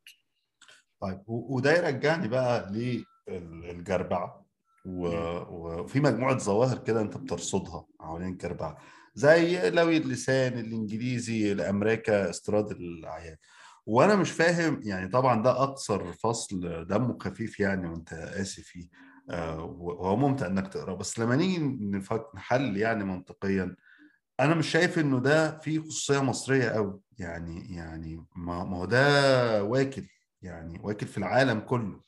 يعني لوي اللسان فرض. اللغة الإنجليزية والكتابة والكلام بأكسنت بيها وقال لك ما العالم كله ماشي كده. ما الخليج ده يعني يعني ما اقعدش تقابل أصلا حد فيهم بيعرف عربي. يعني الجيل اللي هو قدي فما أصغر يعني نادر ما اقابل واحد فيهم بيعرف يقرأ ويكتب عربي أصلا. تمام. و... و... وال... وال... وبت... فبتحس إنه مش فاهم أنا شوية ليه انت مركز على موضوع الأمريكا ده وكأنه في حاجة خصوصيه مصرية فيه أو كأنه في حاجة تعيب ال... الناس فيه؟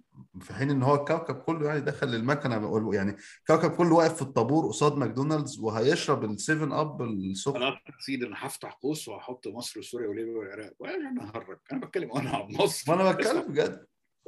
لا هي طبعا مصر فيها حاجة في المسألة بتاعت ال- آه، دي إنها بدأت بدري.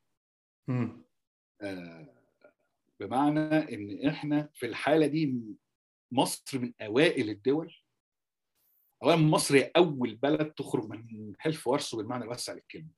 يعني مرة كان حد ذكي زمان قال إن بداية الانهيار الاتحاد السوفيتي ابتدت لما السادات ادى كتف للاتحاد السوفيتي واتحالف مع الامريكان آه، صحيح إحنا ما كناش جوه حلف وارسو لكن إحنا كنا أول بلد كبير موالي للاتحاد السوفيتي يديله حسابه ويغير وجهته.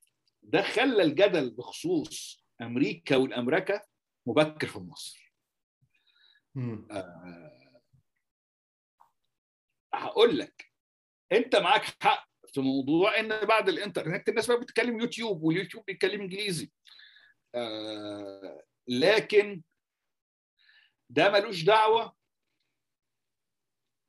بإنك تبقى متخيل إنك لما هتعمل حضارة الحضارة دي أساسها إنك تعمل هاي واي 17 حارة ومفيش أتوبيس.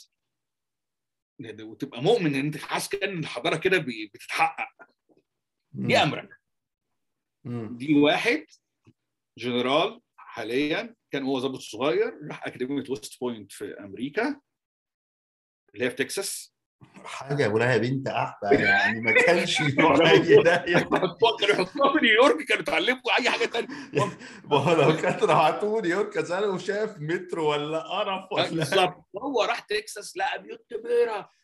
كله على بتاعه ومفيش آه، في. والكهرباء متخصصه 17 رايح جاي قال لك هو ده. من القرنيط كده. قال لك هو هو كده؟ سوبر ماركت كبير. ما يعرفش غير كده ما شافش غير كده. هو جاي يطبق ده في مصر اللي هي فيها 100 مليون بني آدم عايشين على شريط قطر يعني بي- يحكوا في بعض كده عشان عارضين طيازهم لبعض على راي الواد. ف دي الامريكا آه، مش التجليات الاستهلاكية بس ده, واحد منها. بس حتى في التجليات الاستهلاكية إحنا كنا من من أوائل الناس لدرجة إنها غير متناسبة حتى مع الفقر العام والمعمم في آه، مصر. يعني أنا مفهوم الكشك إنك تروح كشك تلاقي فيه أربع ثلاجات وكل ثلاجه فيها مشروب بيها غير التاني وثلاجه شوكولاتات والسبع أنواع بسكويت مم. 16 نوع سجاير. أنا ما رحتش أي كشك في الدنيا لقيت كده. يعني الكشك في مصر كده تلاقيه عامر بالاستهلاك لناس مش هتشتري لأن الناس غلبانة فرط في الآخر. فهو لأ أنت لو قارنت مصر المتأمركة ببلدان تانية متأمركة لا إحنا التغلغل الامريكي عندنا عنيف بلاش. اليمين الأمريكي بيطلع تصور تآمري عن أي شيء في الدنيا زي مثلا هيلاري كلينتون بتشرب دم أطفال زي إنه ال 5 G وبيل جيتس مش عارف تاني يوم تروح تاني يوم تلاقي الحاجة شاهي عبد العظيم وال ومدام سهيل تعرفش مين بيترجم؟ والحاجة بتوصل إمتى وتنتشر؟ لدرجة إن أنا لما أجي ببص لمصر أقول إيه أكتر مؤثر سياسي خارجي ويشكل تصورات تيار واسع من المصريين لقيته اليمين الأمريكي؟ جناح في حزب المحافظين مقولاته وتصوراته بمفرداتها تفاصيلها بال... بالدراما بتاعتها.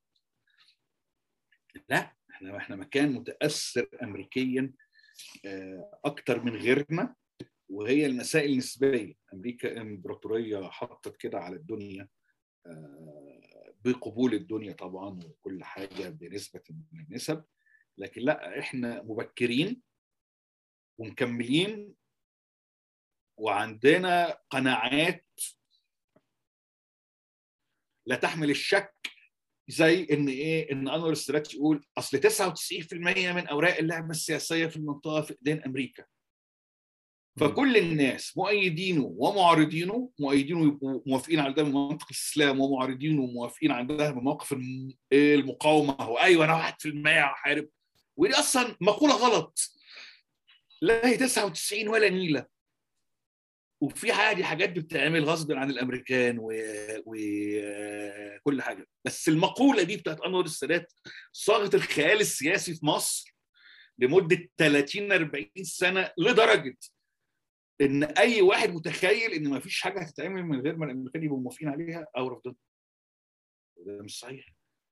دي أمريكا. لا الأمريكا تتعدى الاستهلاك طبعا. يعني الاستهلاك ده في كل الدنيا. طب ما أنا أقول لك برضو يعني إنه أنتوا يا جدعان زعلانين ليه من أمريكا؟ طب أمريكا دي اللي جابت 25 يناير يعني يعني ما ما يعني جابت التكنولوجيا وجابت الإنترنت وجابت الضغوط السياسية تمام وجابت خطاب سياسي مناسب للجيل الشباب ده أنا يعني زعلان أنا مش زعلان من أمريكا خالص بس هو في إشكال في الأمريكا بالنسبة لمكان زي مصر إن إحنا فعلا النظام السياسي والتنظيم الاجتماعي فيها مش شبه الأمريكان. يا ريت. يعني مثلا أنت ما عندكش نظام رئاسي أنت ما عندكش تنظيمات صغيرة من أسفل ما عندكش عملية ديمقراطية دائمة ودائمة ومستمرة زي اللي عند الأمريكان اللي هي داخلة بأشد تفصيلة. وأنت فاهم دوت يعني أول المجالس. أنت ما عندكش نظام فدرالي لا هو ما فيش مشكلة في الأمريكا بقدر ما أنت أنت أنت فعلا جمهورية قايمة على النمط الفرنسي وعلى تصورات مركزيه مدينة القاهرة. وعلى فال... فالأمريكا فيها مضللة. أمريكا في مصر مضللة. ونتيجة إن تم استقائها من جرابيع المرحلة الساداتيه فزي ما أنا كده كاتب إن في حرية سوق بدون منافسة. يعني وفي استهلاك بدون إنتاج وفي في تصورات معينة عن الأمريكا تتناسب مع النسخ المشوهة من بعض ولايات الجنوب الأمريكي التعيسه. لأن زي ما إن أمريكا مالهاش حاجة واحدة. مم. فلا ف... فأمريكتنا هي الوحشة مش الامريكا هي الوحشة. طب ال ال ال أمريكتنا هي الوحشة بنوصل يعني انت برضه مستمر في السرد ومرحلة الامريكا ديت وواعي واعي واعي الأثر الامريكا ديت إنه آه زي ما ممكن فيها حاجة وحشة بس يعني الإنترنت هو كل حاجة يعني إحنا هو بسبب إن إحنا قاعدين بنتكلم دلوقتي أصلا. آه وبعدين جت ثورة يناير وأنت يعني في تحليلك في ثورة يناير يعني كنت بدور على فقرة كنت معلم عليها. آه إنك بتقول يهيئ لي أن يناير كانت انتفاضة شعبية حقيقية لم تخمد نارها لشهور. قامت بقتل كل احتمالات الإصلاح من داخل النظام تماما وخربت فكرة الدمج النيو ليبرالي بيمينها ويسارها ويسارها وفقا لصيغة العالم المبارك تمام. ف إنه إنه يناير أنت شايف إن هي لحظة تعرية؟ ولحظة اكتشاف لمكونات الشعب ده لبعضهم البعض. لكن انتهت ب... ب... بصيغة شافت إنه لأنه إحنا. ما كناش عاملين حسابنا إن البنية الحاكمة بالضعف والتضعضع ده مظبوط. ورأيي إن هي دي المشكلة بتاعت يناير. يناير ما كانتش تقصد كل ده خالص. هو كل اللي حصل إن في انتفاضة خيل للفاعلين فيها. أفق معين فإذا بأفقها يكبر جدا. وأفقها كبر جدا نتيجة إن تسارعت لحظة المواجهة فجت يوم 28 يناير فحصل حاجة ما حصلتش قبل كده في التاريخ. دولة في مصر موتت أنا في رايي فوق ال 1000 بني آدم. اللي ماتوا في 28 يناير قد اللي ماتوا في الثوره الإيرانية كلها يعني الثورة الإيرانية من 77 ل 79 ما ماتش فيها اللي مات يوم 28 يناير. لازم الناس. بس فاهمه. فده يوم وحدث جلل في التاريخ الإنساني كله. ما ين... الصدمة دي في دولة كبيرة زي مصر قطعت الإنترنت يا أحمد بالمناسبة. يعني خدت في لحظة الحقيقة قرار حاسم ما اتعملش زيه قبل كده. وكانت ال- النتيجة إن النظام السياسي انهار. اللحظة اللي بينهار فيها النظام السياسي بتنهار مع احتمالاته اللي كانت موجودة آه، قبل كده. فانت عملية الدمج والإصلاح النيوليبرالي بيمينه وبيساره اللي كانت مطروحة قبل يناير يناير قضت عليها لأنها خلقت عالم جديد الصراع فيه مكشوف قوي. القدرة فيها على التوافق أقل. الأطراف فيه بالذات شراسة. إن بقول لك أنت على ريق نهار مموت ألف بني آدم. فتخيل إحنا كملناها جد للآخر. هيحصل إيه؟ يعني هو أنت يوم 23 ده كل واحد قلع وشه كده كده. وشه بينه للتاني وقام مستخبي تاني. وبعدين عشنا على الذكرى. ها آه، تحب من ده؟ تحب من ده؟ ومن ساعتها الناس متلبشة. تخيل الوضع ده بيعتمل له تسارع. في مكان زي ما قلت متكدس والناس عايشة يعني في نفس السبع عيال وحماتك ومراتك في نفس الأوضة. على رعد الإمام. فإيه؟ فالوضع الجديد ده خلق أفق لصراع السياسي من نوع مختلف. الأبناء اللحظة دي نفسها ما كانوش واعيين إن هم داخلين على لحظة طبيعتها هي التطرف. فعشان كده مش صدفة إن حتى ما يسمى بالقوى المحبة للثورة بعد يناير كان شعارها هو التوافق. دي حاجة أنت تيجي تتوقف عليها كده يعني معقول أنت أبناء الثورة شعارهم هيا بنا نتوافق ده ليه؟ ده لأن الثورة كانت مفاعيلها أسرع بكتير جدا منهم وهم عايزين يفرملوها عشان الوضع ما يوصلش للي إحنا فيه دلوقتي. فهو بالمعنى ده يا نار كان الكشف إنها عملت اكسلريشن وتسريع لتضعضع بنية النظام النظام والدولة بشكل ما فيش طرف كان متخيله بالمناسبة ما فيش طرف كان متخيله. وبعدين التضعضع جاب بعضه. فبعد ما انكشف إن الدولة ضعيفة جدا في صدمة تانية حصلت إن بعد سنتين تم اكتشاف إن أكبر تنظيم إسلامي في العالم عايز يعمل أستاذية العالم الموجود له فروع في كل دول العالم. تضعضع هو كمان. ودي كانت مفاجأة للشعب المصري وللجيش المصري وللولايات المتحدة الأمريكية التي لم تكن تتخيل ابدا جماعة الإخوان المسلمين بهذه الهشاشة. شوف أنت إزاي المسار اللي اتخلق من يناير قاعد إيه؟ بيجيب لك كده صنم كبير ضربه على وشه وموقعه. في المرحلة الثالثة دلوقتي إحنا اللي التضعضع فيها واصل لكتل للكتلة الحرجة بتاعت الطبقة الوسطى في في مصر اللي انهارت معنويا تماما بعد 2013 وللجيش. هو داخل في اختبار شبيه. فلا طبعا بالمعنى ده هي قتلت احتمالات الإصلاح المباركي حتى لو كان متعثر وحتى لو كان غلبان وانت بتنهي بقى الكتاب يعني بتقول إنه في حاجة ضرورية لجمهورية جديدة. لأنه في سؤال يعني مش بس سؤال الشرعية في الوضع اللي إحنا فيه.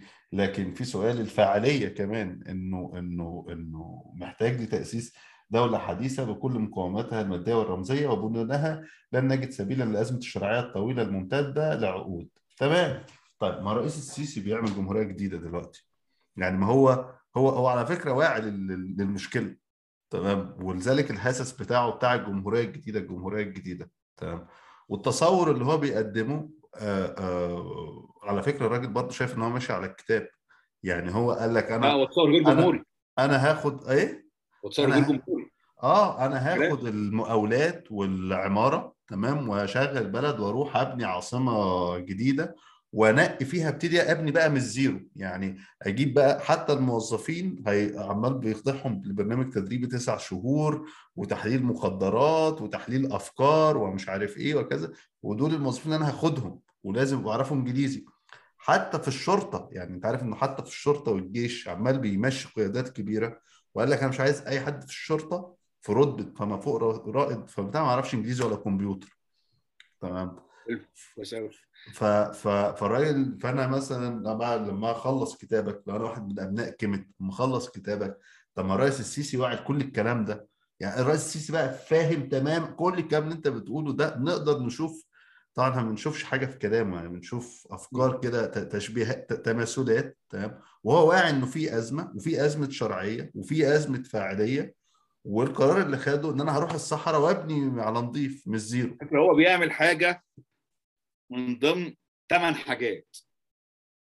والحاجة دي أنا مش عارف بتتعمل كويس ولا وحش وهي إصلاح كفاءة وفعالية الجهاز الإداري للدولة. دي شغلانة. يعني ما مش حلو حلو وكويس.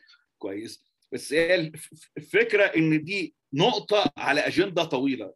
دي مش جمهورية. الجمهورية هو تعاقد اجتماعي بالأساس. الجم- الجمهورية هو ألا تحتاج لكل هذه لكل هذا العنف الرمزي والمادي اللي واصل من أول الرأي السياسي لحد آه، فيلم السينما بيتعرض في مهرجان الجونة أنت مش محتاج لكل هذا العنف لكي تثبت إنك صاحب سلطة قادرة على إنفاذ آه، قوتها. فلا فدي مش جمهورية دي سلطة. امال إيه بقى قيم الجمهورية المؤجلة؟ اللي انت شايف انه انه في حاجة ليها. فانا لا ده مش هيجي أصلا إلا ببلوره الا بعمل نقاشات سيا... سي... سياسية بين أصحاب الانحيازات المتشابهة. أرى ان المفروض يبقى في أندية سي... سياسية في مصر مش أحزاب أندية عشان بس الناس تبقى مم. كل واحد عارف هو مين ومع إيه ومع مين إيه. وهل يعني بتوع استاذات العالم يقعدوا مع بعض يقولوا هل إحنا أساتذة ف... يعني هم محتاجين يناقشوا إيه الس- السؤال ده إحنا أساتذة العالم ولا أفندية العالم مثلا بس. وكده ده محتاج منتديات سياسية تبدأ ترسم ملامح الاتجاهات وبعدين يبقى في حوار. وبعدين تخش صراع على التنظيم وتدفع ثمن ده ده موال ليه؟ لأن هو في جزء غير إن السلطة تقمع تقمع تقمع تقمع قمع السلطة مدي للناس رخصة بإنها تحرر من المسؤولية السياسية عن الإرث السابق مم. وطبعا الإخوان المسلمين محترفين للعملية ديت مثلا بس مش الاخوان بس وإحنا كمان. أو بأخرى فامتى؟ لأن زي ما قلت لك الضربة الثالثة بعد ضربة إن انكشاف إن سلطة دولة مبارك غلبانة جدا وبعد انكشاف إن إن تنظيم الاخوان المسلمين على مستوى الأفق والمعنى شديد الهشاشة كده. الصدمة الثالثة إن الطبقات الوسطى نفسها اللي خارجة منها القوة دي هي كمان شدت الهشاشة. وتجربتها ضعيفة. وبالتالي هي دلوقتي في حالة تمزق غير عادي وإحساس رهيب بالهزيمة عبد الفتاح السيسي مدرك له تماما. هو ده اللي مجمد قلبه هو ده اللي. مخليه يتكل على الله وي... ويدوس. لأن بالمناسبه بالرغم من كل شيء الدولة بالرغم ولا ممكن يبقى الكلام اللي هقوله ده كلام يبقى حل جدل شديد يعني. بس أنا رأيي إن عنف الإجراءات اللي بيتم إن قوة الإجراءات اللي بتتعمل في في مصر العنف المصاحب ليها أقل بكتير من قوتها. يعني طبيعة القرارات ونفاذها وتاثيرها على على حياة الناس طبعا. وعلى مستقبلهم العنف المصاحب ليها أقل بكتير من قوة القرارات دي. أنا شايف كده يعني يعني أنا أنا أنا حض أنا حضرت أنا حضرت في الأرياف يعني قد إيه قبل كده لما كان بينزل عشان يهدوا سور مش بيت. يعني ال... الاحتشاد الأمني وال... والقوة والقوة عشان ينزل يهد سور بس. بس فهو لأ فهي الناس مهدودة والناس مهدودة لأن ما يسمى بالقوى المدنية بالمعنى الاجتماعي بالمعنى الاجتماعي. القوى الاجتماعية تعرض المدني تعرض تماما في تجربة ما بين 11 و 13 لأن بالمناسبه هشاء ثبوت هشاشه تنظيم الاخوان المسلمين وسحبا من رصيد كل مركب المدني في مصر في التحليل الأخير. لأن في الآخر ما هو ده الطرف اللي أنت بتت... القوى التانية بتتصارع معاه. إذ فجأة هو مش موجود فالقوى التانية مش عارفة بيتكلم مين. والناس في مصر ما بتعرفش تتكلم الدولة والجيش. القوى المدنية السياسية ما بتعرفش تتفاهم معاها لأن القوى المدنية والسياسية في مصر إسلامية ويساريه وناصرية وليبراليه هي قوى لحواضن أيديولوجية مش قوى سياسية بتتناقش حوالين نفاذ القرار وتوزيع الثروة وإدارة الدولة. إحنا مش طرف في المسألة دي. النظام السياسي بتاع أنور السادات اللي خلق تعددية سي سي سياسية خلق منتديات سياسية مبتسرة مش تنظيمات سياسية قادرة على الوصول للسلطة. والدليل إن أكبر حاجة اللي العالم كله كان متخيل إنها كبيرة قوي لما وصلوا للسلطة لما خدوا أغلبية البرلمان ثم لما خدوا مقعد الرئاسة كان المردود بتاعهم ضعيف جدا بشكل جرأ كل خصومهم عليهم بالرغم من التيار الإسلامي كان عنده قدرة على الردع النفسي والمعنوي من بداية الصحوة لحد 2011 جبارة. يعني يقول لك كلمة ما حدش عارف يرد عليه. وقيس بدا ينقلب كله في خلال سنتين أنا بتكلم على المستوى الشعبي. ف ف... فاحنا عموما بمجملنا إحنا في الأزمة دي. في الأثناء هل السلطة العسكرية هتعرف تعمل جمهورية جديدة؟ بقت مش جمهورية أصلا. هو اللي بيحصل دلوقتي هي محاولة استعداد وربط صواميل مركبات معينة في الجهاز الإداري للدولة. ما عندناش بقى معلومات كافية؟ ده بيتم إزاي؟ عشان نقدر نحكم عليه. آه وبالتالي نشوف هو مدى استدامته هتبقى عاملة إزاي. ما فعلا ما أعرفش. بس دي حاجة من ضمن حاجات. في حاجات هتتعمل للمستقبل زي إن يبقى في بيج داتا مثلا. آه دي تنفع لأي حد يعني. يعني اقصد أقول إنه في شغلانة بتتعمل لكن الشغلانات اللي ليها دعوة بتنظيم المجتمع نفسه لأن هو الدولة مهما قويت قصاد مجتمع ضعيف. هي غير قادرة على إنفاذ مشروع حديث جواها. الدولة دي هتفضل طول الوقت مذعوره ومرعوبة وتروح تقبض على عيال بتصور فيديو في الشارع اللي هي علامات غلب يعني مش علامات قوه ولا نيله إلى اخره وإلى اخره طيب أنا يعني مبسوط قوي بالحوار ده وأتمنى ما نكونش أزعجناك. أنا أنا والله اللي انبسطت جدا وأنت وحشني إحنا بقالنا كتير ما اتكلمناش وأنت. أنا واقف تسجيل بس ودعوت.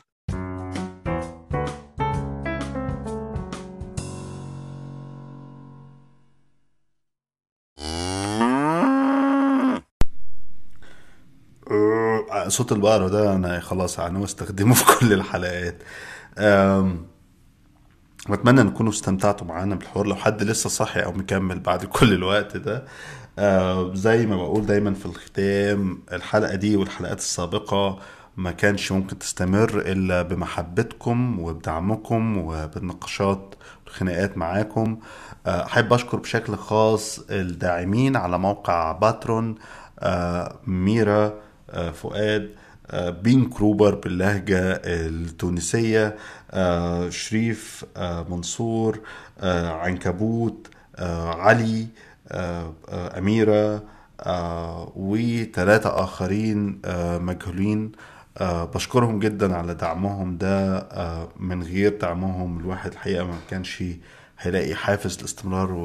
وإنه يكمل يعني وانتوا كمان تقدروا تشتركوا في موقع باترون باشتراك بسيط من خلاله هيتاح لك الاستماع للحلقات قبل ما تنزل ومحتوى كتير قبل طرحه وقبل التداول العام يعني بيبقى مخصوص لباترون واكسس لتفاصيل ومفاجآت وأشياء آه، أخرى.